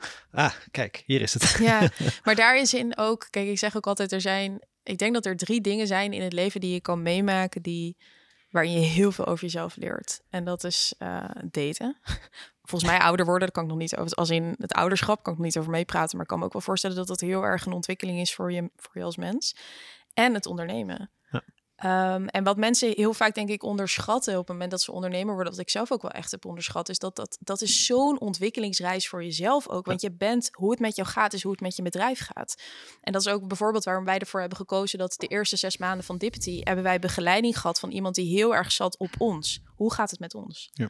Uh, hoe, kunnen wij, hoe kan ik ervoor zorgen dat jullie zo, ja, zo goed mogelijk kunnen floreren in wat jullie aan het doen zijn? En dat is zo'n perceptieshift geweest. Dus wij hebben bijvoorbeeld ook al vanaf het begin een werkcultuur die heel erg werkt voor ons. Een manier van werken. Dus wij in principe proberen wij te werken van 10 tot 4. Nou moet ik zeggen dat we nu zo druk zijn en we zo enthousiast zijn ook dat dat een beetje aan het wegappen is. Maar het is wel, ik sta meestal om kwart over vier in de gym. Ja. Ehm, en wij bellen elkaar echt pas vanaf 10 uur. En dat zijn wel van die dingen die ervoor zorgen dat je dus ook ruimte houdt voor die ontwikkeling. Want het, het, het is niet alleen je bedrijf. Want als ik er niet lekker in zit en een sales call moet doen, ja, gaat het me gewoon echt niet worden. Ja, sterker nog, als je drukker krijgt, moet je juist ook tijd nemen om eventjes uh, uh, gas, uh, gas terug te nemen. Dat heb ik, ik heb dat iets later ontdekt, maar... Te laat nou ja, ik heb de afgelopen twee jaar wel een aardig dal doorgemaakt, zeg maar. In de zin van, um, ik had inderdaad ook de realisatie dat mijn onderneming mijn identiteit was geworden. En ik um, met alle enthousiasme en alle liefde um, in het verleden heel hard voor mijn bedrijf ben gegaan en, en minder hard voor mezelf. Ja. En daar ben ik nu achter gekomen van ja, dan zit je op een gegeven moment op je 34 35ste alleen thuis en uh, um, denk je van nou, ik heb ben heel veel hobby's begonnen. Ik heb er weinig afgemaakt. En uh, ja. dat je denkt van ja, ik vind werken super leuk. En het werk wat we doen en de impact die we maken super gaaf. Alleen word ik er nou echt persoonlijk gelukkiger van. En die reis heb ik nu doorgemaakt. En um, ik, ja, ik, ik hoor te veel haakjes uh, het hele verhaal om het erover te hebben. Maar ik, ik ben gewoon dus... toch aflevering 2. Precies, ja. ja. Maar ik ben het dus... gaan staan hier. Nee. Ja.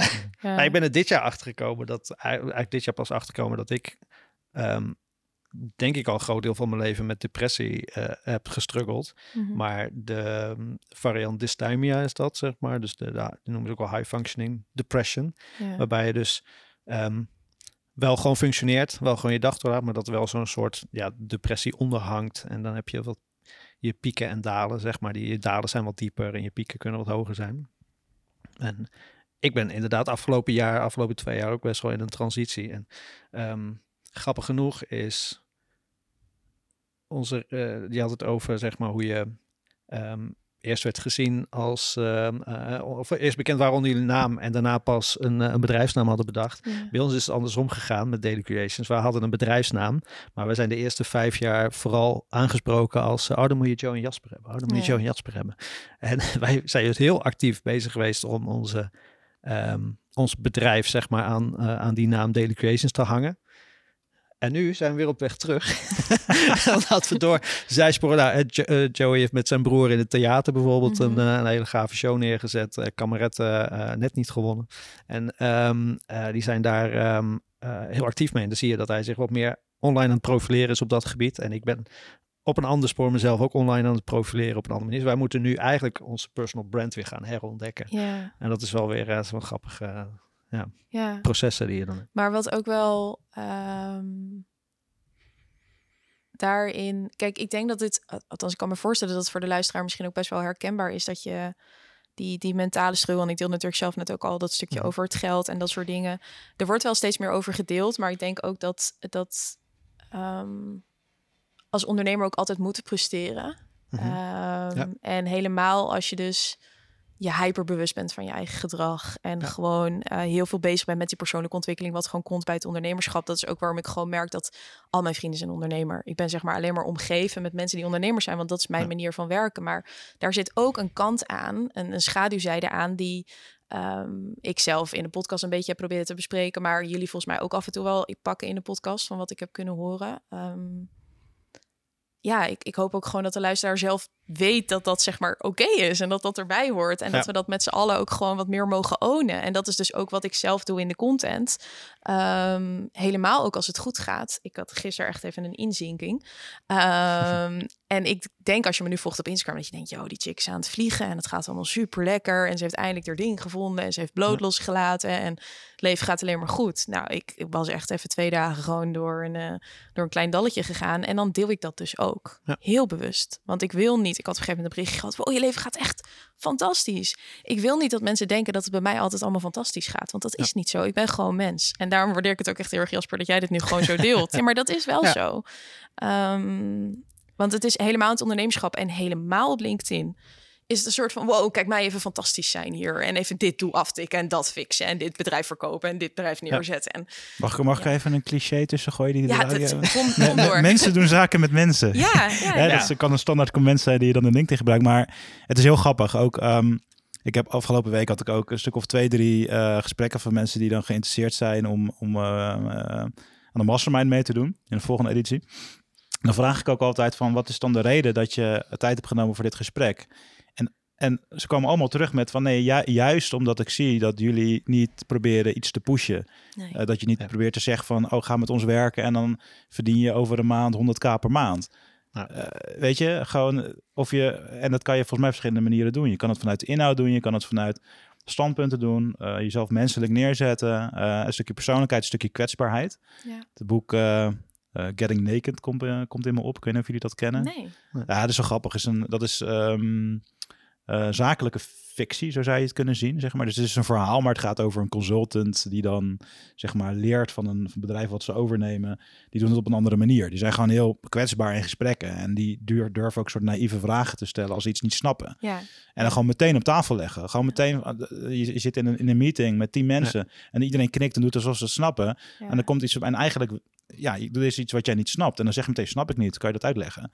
Weet je wel? En dan maak je jezelf wat kwetsbaarder als professional. Maar de andere ziet jou als dapper. Want oh ja, eigenlijk snapte ik het ook niet zo goed. weet je wel? En, en die uh, dynamieken. Dit is wat uh, Jordan Peterson uh, beschrijft van Joe Rogan, zeg maar.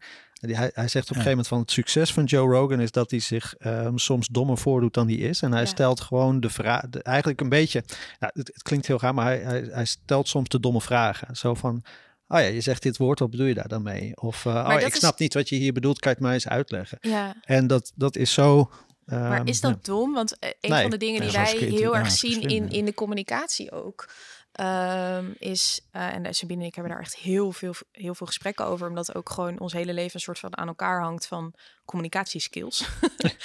um, is dat zodra je voor iemand gaat invullen, ben je eigenlijk gewoon al op weg naar de afgrond. Dat is het is zo belangrijk om alles te checken. En helemaal ook als je met klanten samenwerkt. Klopt het echt wat jij denkt dat jij nu hoort? Uh, is dat inderdaad dat ene woord wat je gebruikt in de communicatie? Betekent dat voor mij hetzelfde als dat het voor jou betekent? Ja. En dat is iets wat zoveel communicatiebureaus of marketing agencies of mensen gewoon missen along the way. Zeg maar, wat zijn dan, oké, een kernwaarde bijvoorbeeld, zo'n heel mooi voorbeeld. Uh, dan heb je kernwaardes voor jezelf gekozen. Oké, maar wat betekenen ze dan? Ja. En hoe komt dat dan echt tot uiting? En dat is wel wij, ook als wij kernwaardes uitschrijven voor organisaties, wij schrijven letterlijk gewoon een, een alinea of twee, wat dat nou eigenlijk inhoudt, dat woord. Want dat is zeg maar kwetsbaarheid, kan voor ons heel anders zijn dan wat het voor jullie in daily creations van jij online betekent. Um, en dat is dus ik denk dat dat helemaal niet dom is. Nee, het is ook, nee dat is ook het punt wat ik wilde maken. Het is juist helemaal niet dom. Ik, ik lees nu een boek um, How to Think Like a Philosopher door oh ja. um, Bagini. Ik weet dan niet zijn achternaam. Maar dat gaat over allemaal van dit soort dingen. Ja. Ook over van hoe um, lees je een redenatie van iemand. Wat voor conclusies trek je ergens uit? Heb je aandacht voor een ander? En waar we eigenlijk met Cheert ook over hadden van... Uh, hoeveel controle heb je nou eigenlijk over je tekst en over je communicatie? Mhm. Want je kan natuurlijk woorden de wereld inslingeren. Maar hoe vat iemand dat op? Ja. Waar wordt iemand door getriggerd en waar niet? Dat, dat, dat kan je niet sturen, zeg maar. Dus je kan dat zoveel mogelijk kaderen of wat dan ook. Maar op een gegeven moment moet je dat ook een soort van loslaten. En dat is wel, ehm, ja. Ja, in, in dat opzicht, met, met, zeker met kernwaardes, was dat ook een van de dingen waar wij ooit op aangingen. Zo weer heel veel bedrijven die roepen dan een setje woorden. En dan zit je er echt naar te kijken van, ja, leuk. Maar voor mij betekent dit totaal iets Ja. anders dan voor jou. Sowieso, eh, bedrijven die kernwaardes roepen, staan bij mij al tien uur achter. Ik moet ze leven, niet roepen. Dit, oh, maar wij hadden op een gegeven moment een klant en eh we hadden daar zo sterk echt tien keer gezegd, doe het niet, ga hier geen content over maken. En uiteindelijk hij is niet doorgegaan bij ons in het traject. Echt twee weken daarna, eerste post. Onze kernwaarde is dat, oh dude, don't do this. Ja. Het is gewoon niet meer geloofwaardig. Ehm, en als je bijvoorbeeld dan wel content wil maken over je kernwaarde of dat wil laten zien, ga dan bedenken hoe dat inderdaad tot uiting komt. Oké, bijvoorbeeld eh, connectie maken. Maak dan even een tof filmpje waarin jullie allemaal elkaar een high five geven. Dat is echt een heel dom voorbeeld. Maar ik bedoel, dat zegt zoveel meer dan een post gaan schrijven over waarom connectie jullie kernwaarde Er, is. kwam, er komt even een beeld in me op. Ik heb, eh, tijdens mijn studie werkte ik veel in de horeca op evenementen en zo. En toen was ik een keertje bij een event. Het was een, eh, goed, ik zal het merk niet noemen, maar een groot cameramerk. Eh, en eh, daar stond de CEO, die, ehm, die ging een praatje houden. Ehm, het was een leuke locatie in de fabriek in Maarsen. En iedereen stond dan, hè, dat is een beetje industrieel, iedereen stond op de, op de, op de vloer. En de CEO die ging helemaal boven eh, op een soort trap staan, heel hoog boven de rest. En toen werden er allemaal kernwaarden geprojecteerd op de muur. ja, ik weet niet meer precies wat hoor, maar het kwam neer op eh, collegialiteit, gelijkheid. Maar vervolgens zat hij boven de rest te vertellen hoe Oh. belangrijk het is dat je op een gelijkwaardig niveau met elkaar communiceert. Ja. Ja, toen, toen kreeg ik wel een beetje, dacht ik, dacht van wat? Maar niet, dit eh, is ook, ja. zeg maar, als je het hebt over personal branding of branding in het algemeen. ehm, het zit hem in de kleinste details. Dat Ja. is echt zo, zeg maar. Je moet voor jezelf heel erg nadenken. Oké, waar geloven we weg in? En komt dat tot uiting in alles wat we doen? Als je zegt, ja, wij zijn eh, innovatief en jong. En ik bel en ik krijg iemand van 75 aan de telefoon. Ja, sorry. Jong van geest. nou ja, zou kunnen, maar dan moet je persoon wel, dan moet je dat wel voelen, weet je wel. Ja. En, en dat is het zit hem, dat is ook wel echt die integratie van waar, wat jij gelooft dat jouw DNA is. Hoe Mhm. integreer je dat in alles wat je doet? Dus ook in, in hoe je de telefoon opneemt, hoe je een mail afsluit. Kijk, als je met ons in contact bent, gegarandeerd energie en enthousiasme. Ehm, want dat is iets wat wij gewoon leven. En dat is ook voor jezelf heel belangrijk, ook als ZZP'er. Dat is niet alleen als je een groot bedrijf bent, zeg maar. Wat klopt het allemaal? Het, het verhaal, het zelf, hoe ik mezelf wil profileren, hoe ik mezelf wil gaan neerzetten als die autoriteit. Leef ik dat echt? Ja. Ehm, Ja, waar ik nog- even op terug wilde komen was op een gegeven moment de opmerking over van hè, dat sommige mensen hun eh, struggles zeg maar nu ook heel erg uitmelken. ja. En ik heb in mijn eh, begin 20, in begin 20, de eerste helft van mijn 20 jaren, had heel erg gestruggeld met het idee van ik heb, eh, want dat zei jij ook in het begin, ik heb te weinig levenservaring om iets Mhm. te kunnen zeggen. Ja. En eh, ik heb heel veel Amerikaanse zelfhelpboeken gelezen en die beginnen allemaal natuurlijk met zo'n heel heftig verhaal van eh, ik stond aan de rand van de afgrond klaar om te springen en eh, toen kwam het inzicht of allemaal van dat soort ehm, eh, hele heftige gebeurtenissen. En ik heb altijd heel erg gestruggeld met het idee van ik heb niet zo'n heftig, heftige gebeurtenis. Ik heb een prima jeugd gehad. Ik heb geen gekke dingen meegemaakt. Ik heb niet zo'n heel mooi haakje. Eh, Je hebt je, je pokerverleden natuurlijk ook zo'n heel mooi haakje waar je wat aan kan ophangen. En ehm, altijd zoiets gehad van hoe kan ik een personal brand starten zonder dat ik zo'n mooi groot verhaal heb. En ik vind wat, wat ik hier ook heel erg mooi in vind, wat je net zei, van het ehm, gaat ook om kleine dingen en om normale dingen. En bij mij is er een kwartje gevallen toen ik ehm, ging verdiepen in filosofie en dat soort zaken. En ik kwam op een gegeven moment op eh, Michiel de Montagne. En dat is, of Michel de Montagne, iets in die richting. Maar die heeft het boek Essay. Dat is het dikste boek wat ik in huis heb. Dat is een, bundel van essays. En dat is echt de duizenden pagina's. En die heeft daar eentje in geschreven waarin hij zegt van... Letterlijk deze struggle omschrijft. Dus hij zegt dan letterlijk... En dit is dan eh, echt uh, honderd jaar geleden. Maar hij zegt van ja... Um, wat heb ik te vertellen? Misschien een van de eerste mensen die het imposter syndroom heeft opgeschreven. Maar wat heb ik te vertellen als een gewone man? En um, uh, waarom hè, zouden mensen naar mij moeten luisteren? Ja. En toen maakte hij op een gegeven moment de gedachtesprong van... Maar de meeste mensen zijn normaal en de meeste mensen hebben een gemiddeld leven en de meeste mensen hebben zeg maar niet van die hele heftige situaties meegehaakt. Dus ik ben juist degene die daar heel erg op kan aanhaken bij die mhm. mensen. Ja. Want als je hele heftige dingen meemaakt, dan haak je misschien ook juist aan op de mensen die hele heftige dingen hebben meegemaakt. Dat. En, in combinatie met, uh, dat is echt iets waar ik heilig van overtuigd ben. Elke stem of, of elk uh, persoon, in dit geval jij, maar eigenlijk iedereen, heeft iets belangrijks te zeggen. Als in de zin belangrijk is natuurlijk een heel breed begrip, maar heeft iets te zeggen wat door iemand anders gehoord moet worden. Dus wat je heel vaak merkt is dan zeggen van ja, maar er is al iemand die autoriteit is op dat gebied. Denk oké, daar heb je deels gelijk in. Dan kan een overweging zijn om niet die kant op te bewegen. Aan de andere kant, we hebben allemaal onze manier van praten, onze manier van woorden overbrengen, ons enthousiasme. En dat betekent dus ook dat op het moment dat jij bijvoorbeeld ervoor zou kiezen om uh, je mond te houden, het er letterlijk voor zou kunnen zorgen dat iemand um, iets niet gaat begrijpen wat hij alleen zou kunnen begrijpen doordat jij het uitlegt. Ja. Um, want je kan het heel vaak horen, maar dat is hetzelfde het verhaal wat ik helemaal aan het begin vertelde. Dat als die vriend niet tegen mij had gezegd: wat jij doet is geen ondernemen, ik moest het echt van hem horen. niemand anders in mijn omgeving had zo diep bij mij kunnen inknallen als dat hij deed door die woorden op dat moment vanuit zijn achtergrond. Ja. Um, en dat, dat zorgde dus ook gewoon voor dat eigenlijk iedereen een personal brand voor zichzelf kan opbouwen. Of je nou wel of niet een heftig verhaal hebt, of je nou wel of niet um, voor jezelf vindt dat je iets te vertellen hebt. Er is altijd iets te zeggen waar een ander wat aan heeft. Maar het gaat denk ik wel om dan ruimte, uh, een soort van ruimte geven of vinden om dan jouw innerlijke stem ook ja, te, laten praten. Ja, en te vinden ook. Kijk, weet je, dat is ook gewoon een proces. Ja. Um, dat, dat vind je niet van de een op de andere dag. Dat is voor mij ook een hele zoektocht geweest. En nog steeds. Ik denk dat ik hier tot mijn, uh, tot, tot mijn sterfbad naar, naar zal zoeken, zeg maar.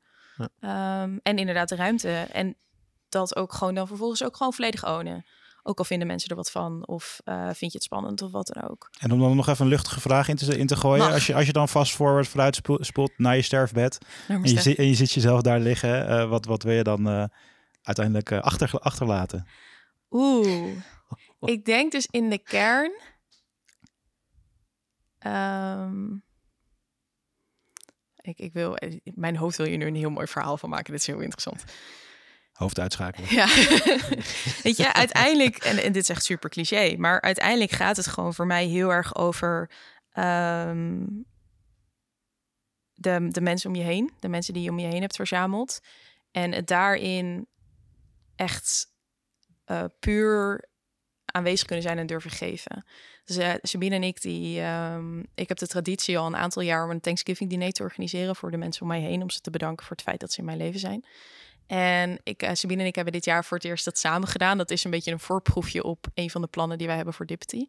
En um, iemand zei daar aan tafel: Het is zo mooi hoe jullie elkaar hebben gevonden in het onvoorwaardelijk geven. En dat is iets wat voor ons een soort van intikte. Dat wij dachten van oké, eigenlijk is alles wat wij doen, is gewoon de basis van gewoon echt oprecht aanwezig zijn.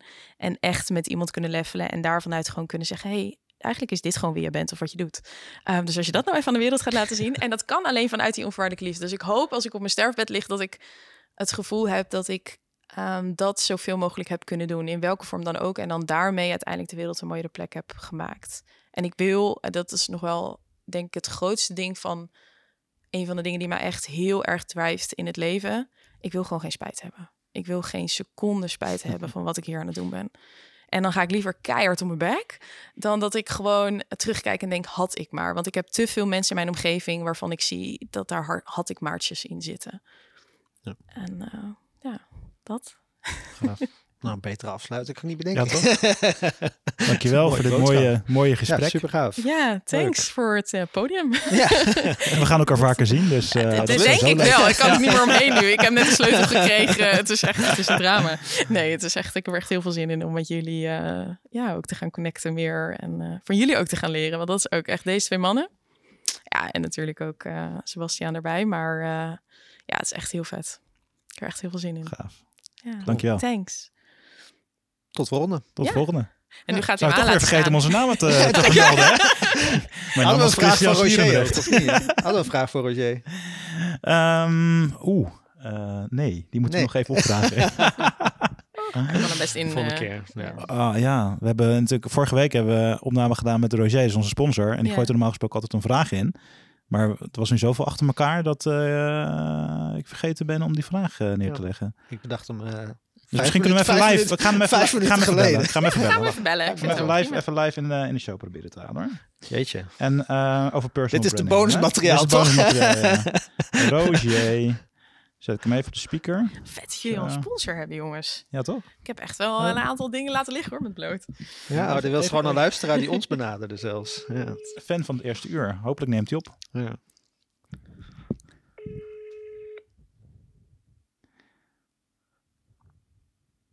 Bam, bam, bam, bam. Ja, hij werkt nog maar 20 uur in de week. Hè? Dus Ja, dat is waarschijnlijk is hij stil met het weekend. Zijn, eh, ja.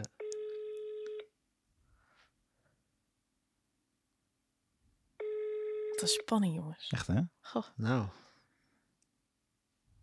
Laat een bericht Helaas. En kunnen Jammer. jullie niet je inner. Rocher channelen? Wat zou, die, Ja, precies ja. wat zou die vragen als hij hier was? even kijken. Dat is een goede vraag, ja. Misschien heeft Sabine een goede vraag. Sabine heeft ook wat van die lekkere vragen. Waar gaat het meestal over? Over het ondernemerschap? Ondernemerschap, ja. Ante, eh, het is een platform eh, voor en door entrepreneurs. Oké. En helpt bedrijven van start tot de verkoop van hun Van bedrijf. bedrijf. Nou, slogan ook gelijk. Eh, verteld. heel breed. Nou ja, misschien, want wij zijn best wel al bezig met, oké, hoe kunnen we uiteindelijk dit gaan verkopen? Ja. Dus we zijn echt nog in het begin daar nu al stappen in. Dat, is, dat, Ja, zou, dat is een dat zou een goeie, goede ja. vraag zijn in de zin van, nou, in- meer in de zin van ehm, als je een, ehm, een, een onderneming hebt en je gaat een hele sterke personal brand ontwikkelen, hoe bewaak je dan dat je bedrijf nog wel verkoopbaar blijft? Ja, Dus dat je niet te niet te veel veel, kleeft aan je dat je niet te aan veel jouw naam aan jouw bedrijf gaat hangen. Dat is een hele goede vraag. Ehm, ik denk dat het dus dan ook heel sterk gaat over het DNA van je bedrijf eerst begrijpen. Kijk, het, de personal brands, als je echt kijkt puur naar een organisatie. Ja, dus stel dat we Dippity dan als voorbeeld pakken. Wij zijn ook heel erg aan het nadenken van wat is Dippity losstaand van ons. Ehm, dus wat is de missie van Dippity? Wat is de visie? En dat is natuurlijk wel een soort van mengelmoesje van mij en Sabine op dit moment. Maar het gaat dus ook heel erg over ehm, hoe als dat staat, kijk, als je de fundering van een huis hebt gebouwd, dan kan je daar niet heel veel meer, zeg maar, aan wiebelen. Dus het gaat heel erg over, weet je echt wat jouw bedrijf aan het doen is? Weet je echt hoe je dat wil gaan neerzetten en positioneren? En ehm, dan kan daaromheen, alles wat je daarvan uit gaat doen, dus een personal brand vanuit mij neerzetten of vanuit Sabine neerzetten, is daar dan dienend aan, maar niet essentieel. Um, en dat is ook wel waarom we nu, we hebben bijvoorbeeld echt een classic mistake gemaakt om, uh, nou, ik weet niet of het een mistake is, maar ik had ach achteraf gezien wel anders aangepakt. Dus er was een klant die eigenlijk alleen met mij zijn eigen personal brand wilde doen. En ik had het tegen hem gezegd, ik heb echt de voorkeur om eerst het DNA van je bedrijf beter te begrijpen voordat ik jouw personal brand ga doen. Want het is ook een, een uh, hij heeft meerdere co-founders en dat soort dingen. En nu achteraf zie ik van ja, zie je wel, ik had gewoon dat eerst moeten doen. Want nu hebben we jouw personal brand opgebouwd, wat best wel past bij de organisatie. Maar het was veel dienender ook voor jouw investering geweest als ik dat ook beter had begrepen en dat ook heel goed staat. Want dan is het een losstaand iets. Dus ik denk dat het belangrijkste is dat je gewoon heel erg voor jezelf dat nog steeds als, on, als fundering ziet. Dus je bedrijf, je merk is de fundering. En jij als, en ook als je ZZP'er bent, dat is ook wel, iemand vroeg laatst aan mij, wanneer vind jij dat een ondernemer Um, het verschil tussen een ondernemer en een freelancer. Weet je, wat, wat, wat is nou wat? En toen zei ik van, nou ja, als jouw bedrijf groter is dan jijzelf, dan vind ik je echt een ondernemer. Um, en dat zit hem hier dus ook weer. Wat is dat ding wat groter is dan jij? Zorg dat dat staat en ga dan pas um, de rest eromheen uitbouwen. En ik denk dat dat een belangrijk is, het onderscheid tussen je personal brand en je brand, je merk, uh, ja. je merk van ja. je bedrijf, ja. zeg maar. En dat dat want daar, dat is denk ik ook de gedachtefout die ik vaak heb gemaakt, zeker met content op LinkedIn. Dat ik altijd zo'n gevoel heb van ja, maar mijn content moet dienend zijn aan Daily Creations. Of aan het bedrijf, mm -hmm. zeg maar. En dan koppel je inderdaad ook letterlijk je eigen marketing, je, pers je, pers je persoonlijke marketing, zeg maar, ja. aan je bedrijf. En ja. dan, is dat geen, dan is daar geen onderscheid meer in. Nee. Dus ik denk dat wel een goede. Ja. Goeie lijst. Nice, was een goede vraag. Doen. Uh, ja. uh, en Roger. je kent hem niet eens, je kan hem nu al. Hey, we gooien er gewoon een uh, AI voice vervormer overheen met de Precies. stem van AI Komt van, van, van, van Roger. Komt helemaal goed. Alright, hey, thanks. Dank jullie wel. Tot volgende. Bedankt. Hey, hey.